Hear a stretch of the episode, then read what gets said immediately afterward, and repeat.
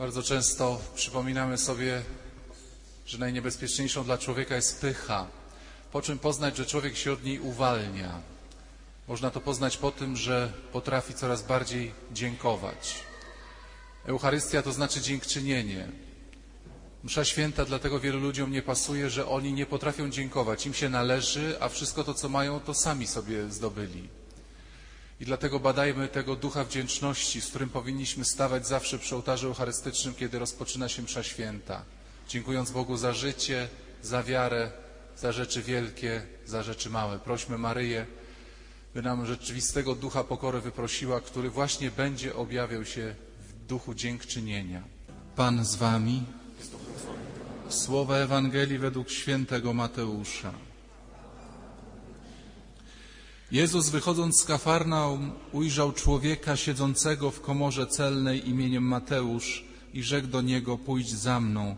On wstał i poszedł za nim. Gdy Jezus siedział w domu za stołem, przyszło wielu celników i grzeszników i siedzieli wraz z Jezusem i Jego uczniami. Widząc to, faryzeusze mówili do Jego uczniów, dlaczego wasz nauczyciel jada wspólnie z celnikami i grzesznikami? On usłyszawszy to rzekł, nie potrzebują lekarza zdrowi, lecz ci, którzy się źle mają. Idźcie i starajcie się zrozumieć, co znaczy, chcę raczej miłosierdzia niż ofiary, bo nie przyszedłem powołać sprawiedliwych, ale grzeszników. Oto słowo Pańskie. Drodzy bracia i siostry, pamiętam jak przy Ewangelii, która opisywała powołanie Piotra, jego krewnych, jego braci, zastanawialiśmy się i próbowałem dociekać razem z Wami, dlaczego Panu Jezusowi byli potrzebni rybacy. Pamiętajcie, że Jemu chodzi generalnie o to, nie, nie o to, żeby ludzi zmienić moralnie. Jem, jemu chodzi o pokazanie Królestwa Bożego, tej rzeczywistości niewidzialnej, która jest tutaj pomiędzy nami. Proszę mi wierzyć, Królestwo Boże jest w tej świątyni. Gdybyśmy tak mieli wzrok Boży, to byśmy zobaczyli tę świątynię zupełnie może w innym wymiarze. Ja się często zastanawiam, jak siedzę z ludźmi przy stole, zupełnie przypadkowymi, każdy z nich widzi coś innego. Państwo też przychodzicie tutaj do kościoła i prawie każdy z nas widzi ten kościół inaczej. To znaczy, ja wiem, że wy widzicie ornat, że mam zielony, że te figury są pozłocone, ale każdy z nas, i to jest niewymienialna rzecz, jak ja to widzę. Gdyby tutaj wprowadzić jakiegoś antyklerykała, popatrzyłby na was, powiedział, biedne, ciemne barany stoją, a klecha im wodę z mózgu robi. I on by naprawdę się nad wami roz, rozczulił. A my patrzymy i powiemy, biedny antyklerykał do piekła idzie prosto trak. I widzimy zupełnie różne rzeczy. Dlatego się z przyjaciółmi nie możemy dogadać, a może bardziej z nieprzyjaciółmi. I Chrystus chce nam pokazać rzeczywistość, która tu jest, a której często nie dostrzegali ludzie i nie dostrzegamy. Jak to pokazać? I mówiłem, że potrzebni byli rybacy, bo to byli specjaliści od analizowania rzeczy niewidzialnych, którzy ciągle analizują, gdzie pod wodą jest ryba. I są geniuszami od odczytywania znaków. Wiatr, szuwary, słońce, temperatura wody, fala. Oni to wszystko odczytują, żeby znaleźć niewidzialną w otchłani rybę. Ale dzisiaj mamy zobaczyć, zobaczyć wprawdzie rzeczywistość. Do znudzenia Państwu powtarzam i sobie, że nic tak nie jest niebezpieczne, jak mieć jakieś błędne wyobrażenie o sobie, błędne wyobrażenie o bliźnim i błędne wyobrażenie o Bogu. My w ogóle żyjemy, szatan chce nam wprowadzić w soczewkę oka błąd, żebyśmy wszystko źle widzieli, żebyśmy widzieli, że kasa jest najlepsza, seks jest najważniejszy, ja jestem beznadziejny, a ci dookoła mnie są jeszcze bardziej beznadziejni. To jest taka tajemnica nasza, jak my to, bo my mówimy, ja jestem beznadziejny, ale dookoła mnie to są już dopiero beznadziejni. Beznadziejność pierwszej jakości. Dzisiaj jeszcze przeczytałem w jednej konferencji yy, przed południem, że jeszcze bardzo niebezpieczne jest mieć wyobrażenie o swojej przeszłości. My żyjemy w wyobrażeniach o swojej przeszłości i to są bardzo często błędne wyobrażenia. Proszę zwrócić uwagę w przypowieści o marnotrawnym synu. Ten starszy brat mówi, ja ciężko pracuję, a tyś mi nawet koźlęcia nie dał. Ilu z was ma takie wyobrażenie przeszłości? Ja byłem dobrym dzieckiem, a mój ojciec to był taki, taki, a mój brat rodzony to zawsze on mi stawał w, w przekór, a ja tam kiedyś w małżeństwie przed ślubem to ja zawsze byłam dobra, ten mój narzeczony był niedobry, a to może być lipa. Proszę Państwa, co powiedział ojciec temu starszemu bratu? Synu, wszystko moje jest Twoje. mogłeś brać zawsze, kiedy chciałeś koźlęcie. Pamiętacie, jakie mamy zderzenia, zderzenia z przeszłością? Kiedy byłem chłopcem, jak, a to ja tak do kościoła nie chodziłem, jak chodziłem z sześć czy siedem razy byłem na japońskim King Kongu, proszę Państwa, jak się film zaczynał, ja po prostu w fotel byłem wgniatany. Te potwory się biły, coś. I proszę Państwa, 5-6 lat temu patrzę w wypożyczalni wideo, jest ta wersja King Konga. No jest, no nie, nie oparłem się wokół się, wypożyczyłem ją sobie i nie mogłem się dziwić. Czym ja się zachwycałem? Te, te naiwnie zrobione kukiel, kukiełkowate laleczki takie. Czy kiedyś, proszę Państwa, w dzieciństwie jeździłem z rodzicami do, takiego, do takiej miejscowości pod Bydgoszczą i pamiętałem, że tam jest wielki czerwony dom z czerwonej cegły. I kiedyś przyjeżdżałem koło Bydgoszczy i mówię, zajadę sobie. Zajeżdżam, nie ma tego wielkiego domu. Stoi jakaś chałupinka czerwona, pytam do jednego miejscowego, co się stało z tym wielkim czerwonym domem, który tu stał? Tu żaden nie stał, to tylko ten, ten mały stał czerwony zawsze. A mi w pamięci pozostał gigantycznie wielki czerwony dom przed oczami. Nasza wyobraźnia, Bóg chce nam uleczyć naszą pamięć. Wielu ludzi ma fatalnie zabrudzoną, zabłoconą pamięć i nią żyje, nią się syci, nią oddycha, ciągle wspomina tą truciznę, pije. Mamy tu niesamowity zbiornik trucizny, wykoślawioną pamięć naszej przeszłości. Uzdrowienie pamięci jest czymś bardzo tak ważnym w pracy duchowej. Ale jeszcze wrócę, no i po co Panu Bogu celnik? Po co Panu Jezusowi celnik? A ja myślę, że to było mistrzowskie zagranie. Ja nie chcę, nie, nie, mam absolutnie aspiracji, żeby wejść w myślenie Pana Jezusa, ale zwróćcie uwagę, co jest napisane. Jezus wychodząc ujrzał człowieka siedzącego w komorze celnej.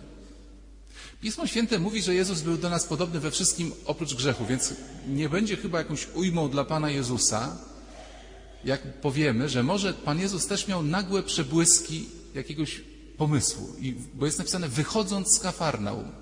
Już wszystko w kafarnał po, po, pozałatwiał, wychodzi z kafarnał i nagle patrzy, celnik siedzi. I nagle mówi, mam pomysł. Pan Jezus jak pomysłowy Dobromir.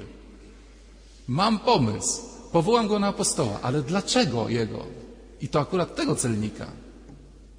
Zaraz spróbujemy rozszyfrować. Tylko dam Państwu przykład, jak zwykle niezbyt mądry, wzniosły, ale coś będę chciał przez ten przykład pokazać. Wyobraźcie sobie, że lecicie gdzieś tam samolotem, już nie, proszę nie pytać mnie o realia tego przykładu. Samolot się rozbija i wypadacie i lądujecie na gigantycznym wysypisku śmieci, które jest na pustyni. I tam żyją ludzie. Wysypisko śmieci i plemię ludzi, a dookoła setki kilometrów pustyni. I ci ludzie nie wiedzą, że w ogóle gdzieś jest cywilizacja. Oni się na, tej, na tym wysypisku śmieci urodzili i oni wiedzą, że jest tylko wysypisko śmieci i groźna pustynia, z której się nie wraca. I oni mają już tam swoją hierarchię. Najważniejszy jest ten, co znalazł na, na, wysypisku śmieci wrak samochodu, mieszka w bagażniku, to on jest najważniejszy. Poza tym są specjaliści od makulatury, specjaliści od kapsli. Oni mają tam swoje wybory, swoich mistrzów duchowych, legendy, kulturę swoją mają, mają swoje muzea ciekawych ości wydobytych. Z... I wy przychodzicie i mówicie, ludzie, ludzie, kochani, tam jest świat, tam są ogrody, miasta, wszystko.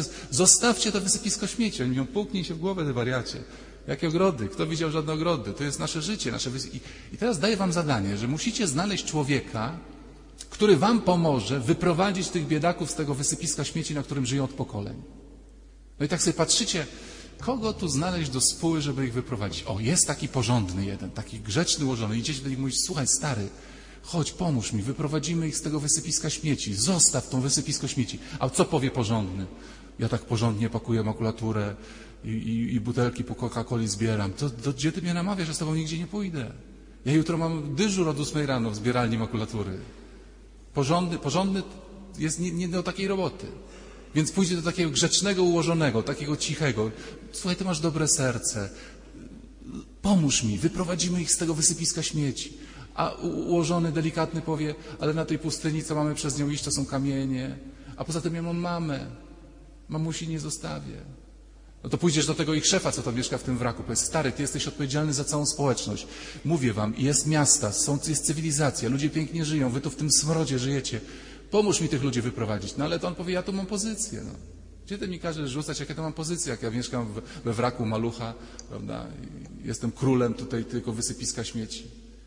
I byście się załamali. Kogo tu znaleźć, żeby ich wyprowadzić z wysypiska śmieci? I patrzycie, jest taki jeden. Chciwiec niesamowity, podkrada innym, kombinuje. O chciwiec, opowiem mu o skarbach. Może go na chciwość wezmę. Poza tym, proszę Państwa, taki, co się już zatrzymał, co już wie, że tu większej kariery nie zrobi, co stanął w miejscu, jest wkurzony, że inni mają więcej, a on ma ciągle mało, więc dlatego podkrada, kombinuje i kręci. Poza tym, proszę Państwa, oszuści, oszuści mają wyobraźnię. Ile anegdot opowiada się o oszustach, o tych, co sprzedawali przed wojną kolumnę Zygmunta tutaj przyjezdnym, jakie oni bajki roztaczali, jakie oni wizje roztaczali. Do czego zmierzam? Oszust potrafi coś wymyślić. Wabank 2, prawda? Leciał ten y, samolotem, myślał, że w Zurichu wyleciał, nie wiedział, że jest 3 km od Zegrza. Tak mu zrobili, kurczę, przejścia graniczne. Oszust ma wyobraźnię, oszust kombinuje, oszust sobie potrafi wymyśleć inną rzeczywistość. Oszust nie pozostaje tak jak uczciwy człowiek. Praca, wypłata, dom, dzieci. Oszust kręci i kombinuje.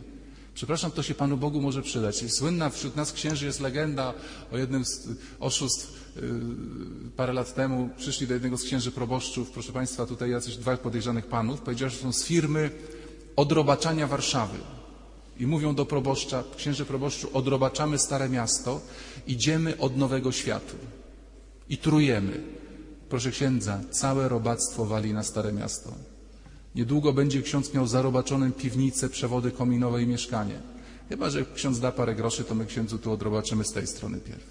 Biedak się dał nabrać, dał im duże pieniądze, oni dezodorantem popsikali mu piwnicę i poszli. Oczywiście okazało się, że żadnego odrobaczenia nie było. Ale jak to wykombinowali chłopaki? Pewnie pili z radości potem przez parę dni.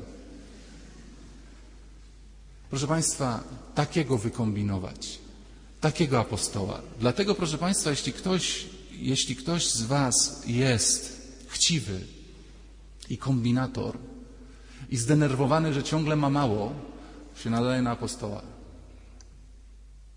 Niespokojny, niegrzeczny, nieułożony, nie taki, co ma stabilizację życiową i dobre stanowisko.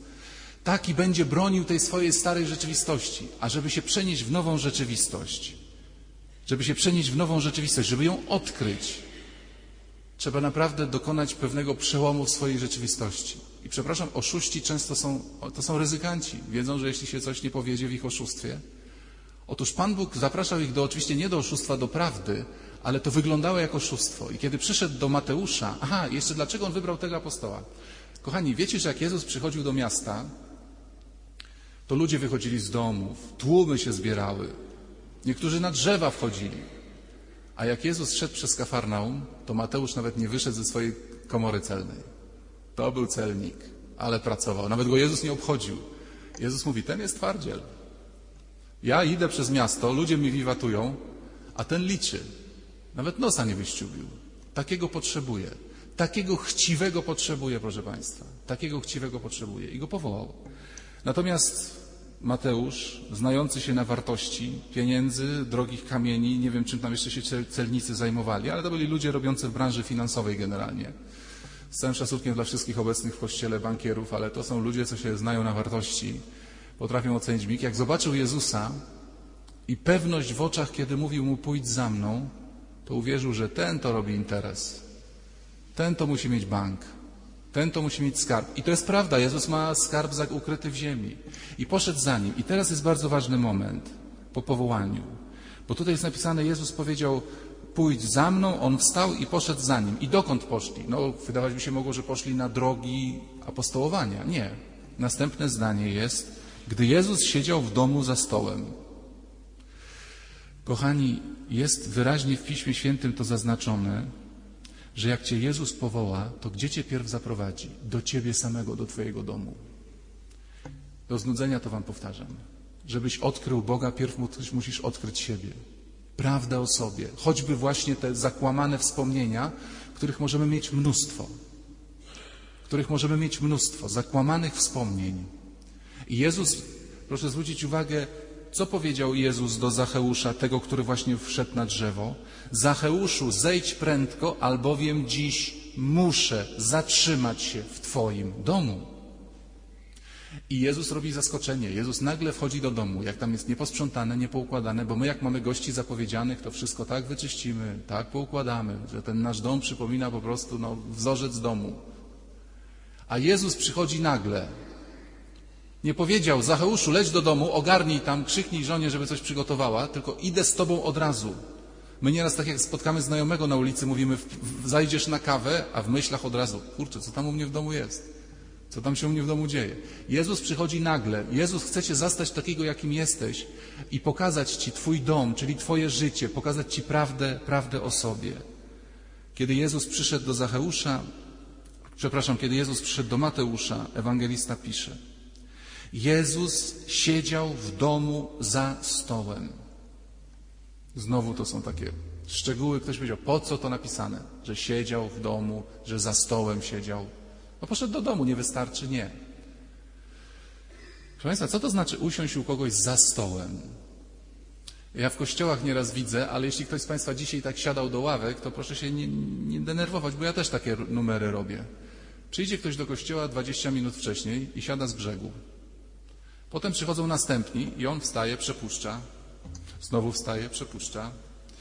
No usiadłby na środku i bym nie musiał wstawać i nikogo przepuszczać, ale on chce siedzieć z brzegu. On przepuści 10 osób, żeby tylko siedzieć z brzegu. Dlaczego z brzegu? A jakby tak krzyknęli zwiewamy? Wiecie, proszę Państwa, siedzieć w środku to jest ryzykowna sprawa. Tak się przepchać, przepraszać, wszystko. To, co Państwu wiem, w kawiarni siadamy tak, żeby wszystko mieć na oku, sytuacja bezpieczna i w kościele siadamy, że a tak z dwóch stron mnie jakiś facet mnie będzie naciskał z lewej, jakaś pani tęga z prawej, a jak usiądę, to już jeden bok mam bezpieczny. Nie jest tak? Jest tak. A Jezus wlazł za stół. Jezus nie przyszedł i powiedział, Mateuszu, wiesz, u ciebie to jest tyle grzechów, że ja tak tylko e, stanę sobie w progu, bo wiesz, to jest dom pełen grzechu. Jeden pan mi powiedział, proszę księdza, byłem u mojego kolegi na imieninach, on jest rozpustnikiem, ale no, poszedłem do niego. Może nie powinienem iść do niego, bo to jak poszedłem, to jakoś go popieram, ale jadłem, cały czas starałem się jeść półgębkiem. U grzesznika jem tak powściągliwie. I Pan Jezus też mógł przyjść powiedzieć, Mateuszu, y, przyjdę do Ciebie, ale tak stanę tylko z boku, żeby w ogóle nie usiądę. Nieraz niektórzy mówią, nie będę siadał. Usiąść to jest zniżyć się do czyjegoś poziomu. A Pan Jezus usiadł za stołem, w kącie. Siedział wśród grzeszników i celników. Siedzieli wraz z Jezusem. Co to znaczy? Proszę Państwa, my ciągle nie możemy uwierzyć, że Jezus nas kocha jako grzeszników. My ciągle nie umiemy uwierzyć, że Jezus, gdyby do mnie przyszedł, to nie stanie i powie, no jak się nawrócisz, to kiedyś przyjdę do Ciebie w odwiedziny, a teraz tylko jak listonosz w przedpokoju dam Ci parę ostrzeżeń. Jezus przychodzi do Ciebie i pakuje się do Twojego pokoju i siada na Twojej karimacie, siada na Twoim fotelu i, i, i, naprawdę wśród Twoich grzechów, bo proszę zwrócić uwagę ten zwrot, przyszło wielu celników i grzeszników, zeszli się z całego Kafarnaum, a w grzesznikach przyszły ich grzechy. Jezus otoczony grzechami. Jezus nigdy nie zgrzeszył, ale był otoczony, otoczony grzechami. Jezus jest z Tobą, kiedy grzeszysz. Pamiętajcie, drodzy Państwo, Jezus nigdy grzechu nie popełnił. Ale jaki jest schemat grzechu? Pokusa, grzech i ból sumienia. Pokusa, ulegamy jej, grzeszymy i potwornie się czujemy. Otóż Jezus nigdy nie zrobił tego drugiego. Jezus nigdy nie zgrzeszył, ale Jezus był kuszony i Jezus potwornie cierpiał na sercu. Jezus zna Twój stan, kiedy budzisz się rano po grzechu i czujesz się tak wściekły na siebie.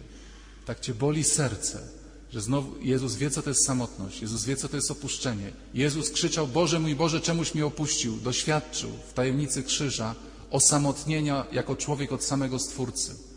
I Jezus Cię rozumie i Jezus nigdy nie powie, jak grzeszysz, to ja się wynoszę. Nie, On będzie siedział przy Tobie, a Ty będziesz grzeszył. Jest wśród grzechu. Będzie Cię błagał, prosił, przede wszystkim za Ciebie umierał. Jezus nie powiedział Mateuszu, zmień się, zmień towarzystwo, wstąp do akcji katolickiej, wtedy do Ciebie przyjdę. Nie, przyszedł, a tam przyszły, przepraszam, prostytutki, cwaniacy, kombinatorzy, to sam kwiat kafarną przyszedł. My w to nie, nie potrafimy uwierzyć, że jak ja jestem grzesznik, to mnie Bóg kocha. No nie, no tego, kocha się ludzi dobrych i miłych, a ja jestem niedobry i niemiły, no to Cię Bóg kocha. Powtarzałem Państwu, nie dziwmy się, że w szpitalach są ludzie chorzy. Kościół to jest szpital, szpital dla ludzi chorych. Dlaczego nam się Jezus ciągle wydaje, że on jest taki niedobry, taki okrutny, taki twardy? Bo mówi nam prawdę. My, my tak kochamy być okłamywani. Proszę Państwa, nie wiem ile, 90% naszych rozmów z przyjaciółmi to jest wspólne zgłębianie się właśnie w tego Matrixa. Wspólne zgłębianie się w to, w to kłamstewko. Ciekawe, czy Państwo potraficie, ja ciągle też nad tym pracuję, to jest takie trudne, sprzeciwić się w opinii przyjacielowi. Przychodzi twój przyjaciel i mówi, wiesz, moja żona to jest wariatka, ona w ogóle jakieś odlotu dostaje. Czy potrafisz powiedzieć? Nie wiem. Nie potwierdzę twoich zdań, bo może ty jesteś wariat. Czy my od razu mówimy, no jasne, stary, ja się na ślubie obserwowałem. Od razu chcemy przyjacielowi powiedzieć, że my jesteśmy z nim, bo ty jesteś mój kumpel. Od razu, wiesz, to jest, to jest nieprawdopodobne. Kanar mnie złapał w autobusie. Wiesz, te kanary to dranie, to oni się tak teraz... Od razu jesteśmy z przyjacielem. Od razu wchodzimy w jego matrixa. A Jezus mówi prawdę. Jezus ci powie, wiesz co stary, chyba jedziesz tą autostradą pod prąd. A my mówimy, a ty jesteś nieprzyjemny, Panie Jezu. Tak wycieczkę od razu popsułeś, tak, tak pod prąd. Przyjaciel to by powiedział, mam dla ciebie niespodziankę, ale nie wiem, co ci powiem. Jak po pół godzinie chyba jedziesz pod prąd. Ale może ja się mylę, wiesz. Jezus mówi prawdę. Idziesz prosto do przepaści. Ja Cię kocham, więc Tobie to mówię. A my mówimy, to boli, Panie Jezu, to co Ty mówisz. Przyjaciel tak nie robi. Przyjaciel to by pogłaskał, kici kici, jedziesz do przepaści. I dlatego my po tych pseudo-przyjaźniach, kiedy słyszymy, że Jezus jest moim przyjacielem, my w to nie wierzymy. Gośka mi kadzi, Krzysiek mi kadzi, Andrzej się z wszystkim ze mną zgadza. Violetta mówi, że ja zawsze mam rację, tamta mi mówi, że jestem fajny, a Jezus przyjdzie i powie, wiesz, błądzisz. Aj, Panie Jezu, no, to jakiś Ciebie kumpel. Nie możemy się tego przyzwyczaić. On, on po prostu mówi prawdę, bo On nas kocha. Idziesz do przepaści, żyjesz w zakłamaniu, masz zakłamaną przeszłość. Ja Ci to chętnie uzdrowię, ja za Ciebie umrę, ale muszę Ci powiedzieć prawdę. On po prostu nie skłamie. Kiedyś była taka historia, to chyba bardziej anegdota, chociaż nie zdziwiłbym się, gdyby to była prawda. Przyszła pewna, pewna poszła, poszła fama o pewnej siostrze zakonnej, że ma widzenia i widzi Jezusa. I ksiądz biskup, posłany do zbadania sprawy, mówi siostro, jeśli siostra ma prawdziwe widzenia, to proszę zapytać Jezusa, jak się siostrze pokaże, jakie ja miałem grzechy rok temu, co się z nich spowiadałem. No, próba generalna. Kto jest Pan Jezus, to będzie wiedział. A siostra przychodzi i mówi, pytałam Pana Jezusa, jaki ksiądz biskup ma grzechy rok temu miał. No i co powiedział? Że nie pamięta. I to jest prawda, proszę Państwa. Jezus nie pamięta naszych grzechów. I my w to nie możemy uwierzyć, bo my pamiętamy wszystkie nasze grzechy. To, co mówiłem, mamy całe muzea swoich grzechów. Lata 80., lata 90., grzechy tutaj oryginalne, wyjątkowe, w gablotach tutaj. A Jezus nie pamięta. Jezus naprawdę powie, nie, mnie Twoje grzechy nie obchodzą. My potrafimy nieraz godzinami mówić, mnie Twoje grzechy nie obchodzą. Mnie obchodzi Twój uśmiech, wolność. Jezus chce, żebyśmy żyli. Co z nas wydobędzie prawdę?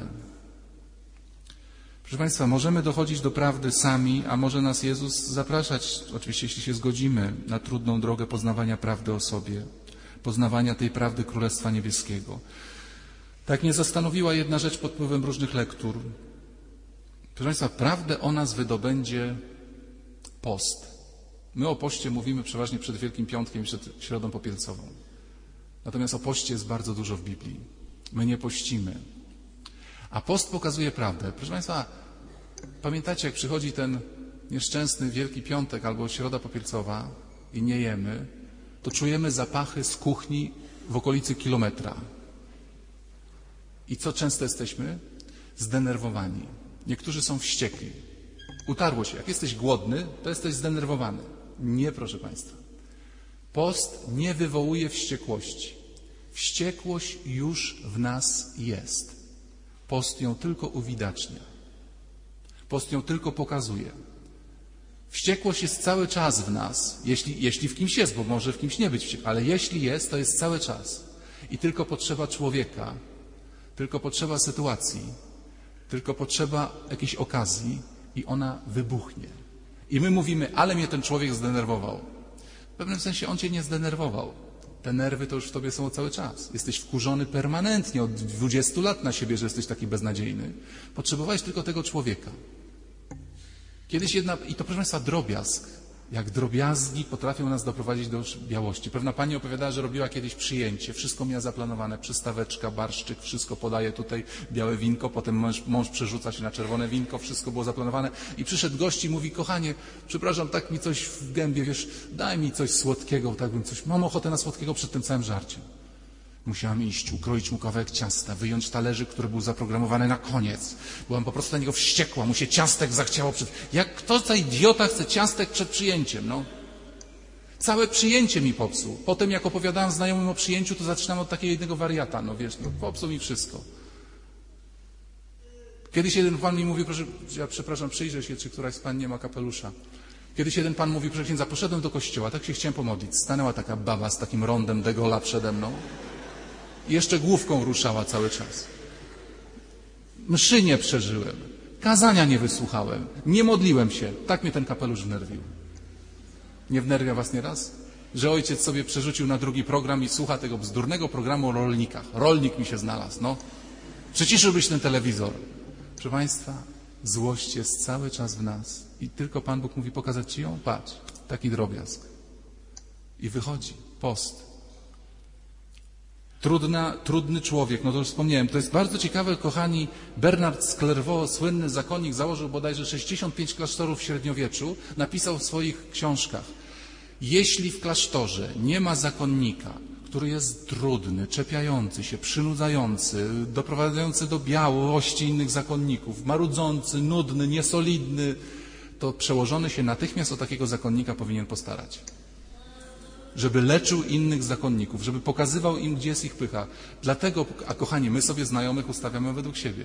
Ta jest miła, ok, wpisujecie w pamięć komputera, e, ciebie do skrzynki mailowej wpisuję, jesteś sympatyczny, a ten to maruda i my sobie tak ustawimy całą konstelację znajomych, że nieraz przez miesiącami nie wiemy, jaka w nas jest pycha, jaka w nas jest wściekłość i nagle ktoś nam przyjdzie spoza konstelacji znajomych i wybuch eksplozja. I mówimy, to on przecież z przyjaciółmi się dobrze dogaduje, no bo żeś sobie ich dobrał. To dlatego nieraz właśnie tak mąż, żona potrafi doprowadzić do białości człowieka. Dzieci potrafią doprowadzić do białości. Ta moja matka, której sobie nie mogę zmienić. No nie mogę tej matki zmienić. Jedna mi się przytrafiła i taka będzie do końca życia.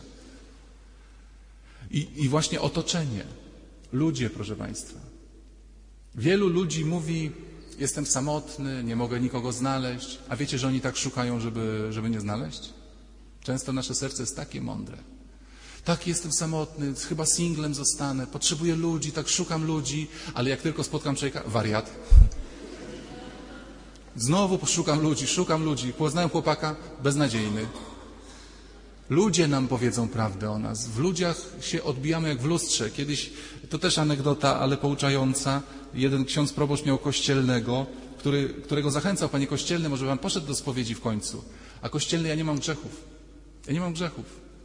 No to pa, ksiądz proboszcz przed świętami mówi, panie kościelny, trzeba wyczyścić figury z kurzu, bo idą święta. To kościelny wziął drabinę, wszedł na ołtarz i zaczął czyścić figury.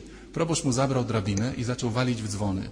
Cała wioska się zleciała. Proboszcz mówi, drodzy Państwo, ogłaszam Wam nowego świętego, nasz kościelny, to jest nowy święty już na ołtarze wyniesiony. A ludzie mówią, jaki on święty, pięć dych ode mnie pożyczył, jeszcze mi nie oddał. Kiedyś widziałem, jak pił wódkę tam i kościelny spuścił głowę, mówi księże proboszczu, poproszę o drabinę, ja już zejdę.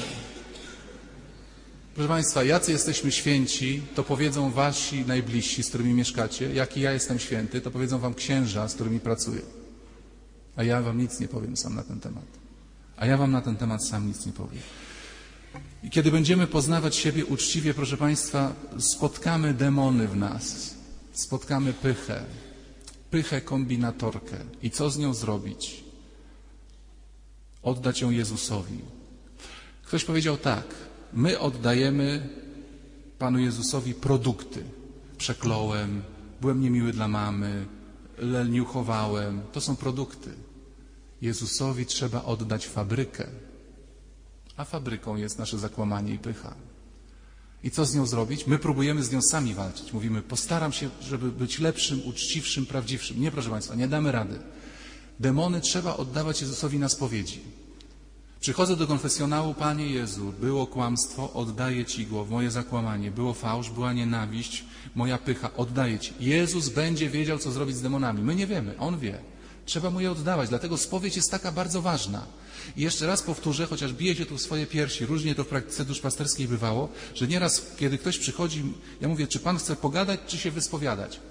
No to pogadajmy i od razu niech to będzie spowiedź. Nie.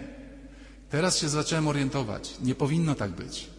To takie właśnie, proszę Państwa, że ktoś przychodzi do konfesjonału i taką legendę o życiu swoim księdzu roztacza i między wtyka w nią grzechy. Grzech trzeba pokazać i go odciąć konkretnie. Pożądam kobiet, bo ciągle jestem chłopczykiem i potrzebuję przytuleń. Proszę to, Chryste, weź, zabierz ode mnie i tego demona, zrób z nim co uważasz. Ty pokonałeś demona. Jestem zakłamany, ciągle krytykuję, plotkuję, ciągle narzekam. Nie ma we mnie na przykład dziękczynienia. Proszę Państwa, to święto, które ksiądz nasz arcybiskup ustanowił, dziękczynienia, sprowokowało nas do różnych przemyśleń o dziękczynieniu. Wiecie, jakie to jest trudne? Jak z ludźmi rozmawiałem i sam pisałem teraz konferencję o dziękczynieniu na pielgrzymkę akademicką, jak mi się to trudno pisało. Z dziękczynieniem mamy takie kłopoty. Bo nam się należy, po pierwsze to ja beznadziejny jestem, moje otoczenie jest beznadziejne, a jeśli cokolwiek mam, to tymi ręcami, sam. A Pan Bóg, no generalnie tak kibicuje mi życzliwie. Wszystko, co mamy, jest z ręki Ojca. I nasze dziękczynienie wygląda niekiedy bardzo mechanicznie. Bardzo mechanicznie. A ile dziękczynienia, tyle w Tobie pokory. Nieraz dziękczynienie wygląda tak mechanicznie, jak opowiadali księża o jakichś Azjatach, którzy przyjechali do Polski przygotowywać się na misję w ośrodku i musieli przejść kurs języka polskiego. No i już po tam kilku miesiącach uczenia się polskiego wzięli tych tam jakichś y, Japończyków czy, czy, czy, czy Koreańczyków. Chodźcie na miasto, sprawdzimy, jaki jest wasz język polski. No to mówią takiego Koreańczyka, zapytaj tego Polaka o stację. I on mówi, jak dojść do stacji? A Polak mówi, ale do centralnej czy do wschodniej? Dziękuję. Nieważne, co kto do mnie mówi, bezmyślnie dziękuję. Czy ja z serca dziękuję. Że ja wiem, że bym się nie urodził, gdyby nie Chrystus. Że ja wiem, że ja bym był w beznadziejnej sytuacji, żeby nie Chrystus. Że ja naprawdę się cieszę za tą przeświętą, że ja za nią dziękuję. Mamy tego dużo, no. Nasze pokolenie nie wie, co to znaczy pozamykane kościoły i nie, niemożliwość przystąpienia do sakramentu. Kochani, Jezus na koniec już mówi, starajcie się zrozumieć. Proszę zwrócić uwagę, jak Jezus mówi. Starajcie się zrozumieć, czyli to jest trudne, to wymaga wysiłku, to nie jest proste. Pragnę miłosierdzia niż ofiary. Pragnę miłosierdzia, czyli pragnę, ofiara to jest obowiązek składania ofiar był w Starym Testamencie. Jak złożę ofiarę, to jestem porządny Żyd. A Jezus mówi, to jest takie handlowe, bo to jest handlowe. Można też handlować chodząc do kościoła. Byłem w kościele, złotóweczkę rzuciłem i jestem w porządku katolik. Jezus mówi, pragnę miłosierdzia. Co to jest miłosierdzie? Miłość miłosierna to jest ufność, otwarcie, jakaś taka serdeczność. Tego od Was chcę. My ciągle mamy mentalność, za ile, proszę Państwa, chodzimy po sklepach, chodzimy po marketach i oglądamy różne rzeczy, ale wiemy, że przy każdej rzeczy, przy butach, telewizorze, kosmetyku jest taka karteczka, a tam jest napisane 782 zł. A tam jest napisane 15 zł, a tam jest napisane 6724 zł. I my tak patrzymy, powiemy, zaraz tą karteczkę zobaczę, to mi się humor zmieni. Tak mi się podobało, jak opowiadali o sklepach w Teksasie, w Teksasie dla nawciarzy amerykańskich, że są sklepy, gdzie nie ma cen. Bo tam tak, tak, teksańskiego nawciarza nie interesuje, czy te buty kosztują 100 dolarów czy 200, tam będzie sobie głowę zawracał. On ma tutaj z 500 dolarówki, tutaj 100 dolarówki wydaje. On cen tam nie ma w tych sklepach, bo ich ceny nie interesują. Ich stać na wszystko.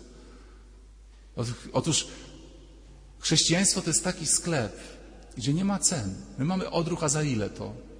A po, po czemu to, jak to dawniej ludzie mówili? A wiele to kosztuje? Nic. Ja umarłem za Ciebie za darmo, przychodzę do Ciebie za darmo, siadam za stołem. Zresztą, przepraszam, taki w tej chwili mam tutaj widok z dzisiejszej Ewangelii. Tu jest Pan Jezus, a my Go wszyscy otaczamy. Zeszli się grzesznicy, ksiądz Piotr i przyjaciele, do kościoła, obsiedli Pana Jezusa, faryzeusze cały, z całej Warszawy. Pobożne miny robimy. A jakby tak Pan Jezus to rentgen wstawił, to byśmy powiedzieli, ja ostanę ja na końcu. Ale mamy Go. Usiadł z nami do stołu. Żadnych warunków. Jeśli masz dobrą wolę i czyste sumienie, przyjdź tutaj, nakarmię Cię. Wyjdę do Ciebie i dam Ci swoje ciało. A za ile? Za nic. Ale jestem beznadziejny. No to się klasyfikujesz poza kolejką w ogóle. Klasyfikujesz się poza kolejką do Pana Jezusa, jeśli jesteś beznadziejny. Drodzy bracia i siostry, ogromnie radosna jest dzisiejsza Ewangelia.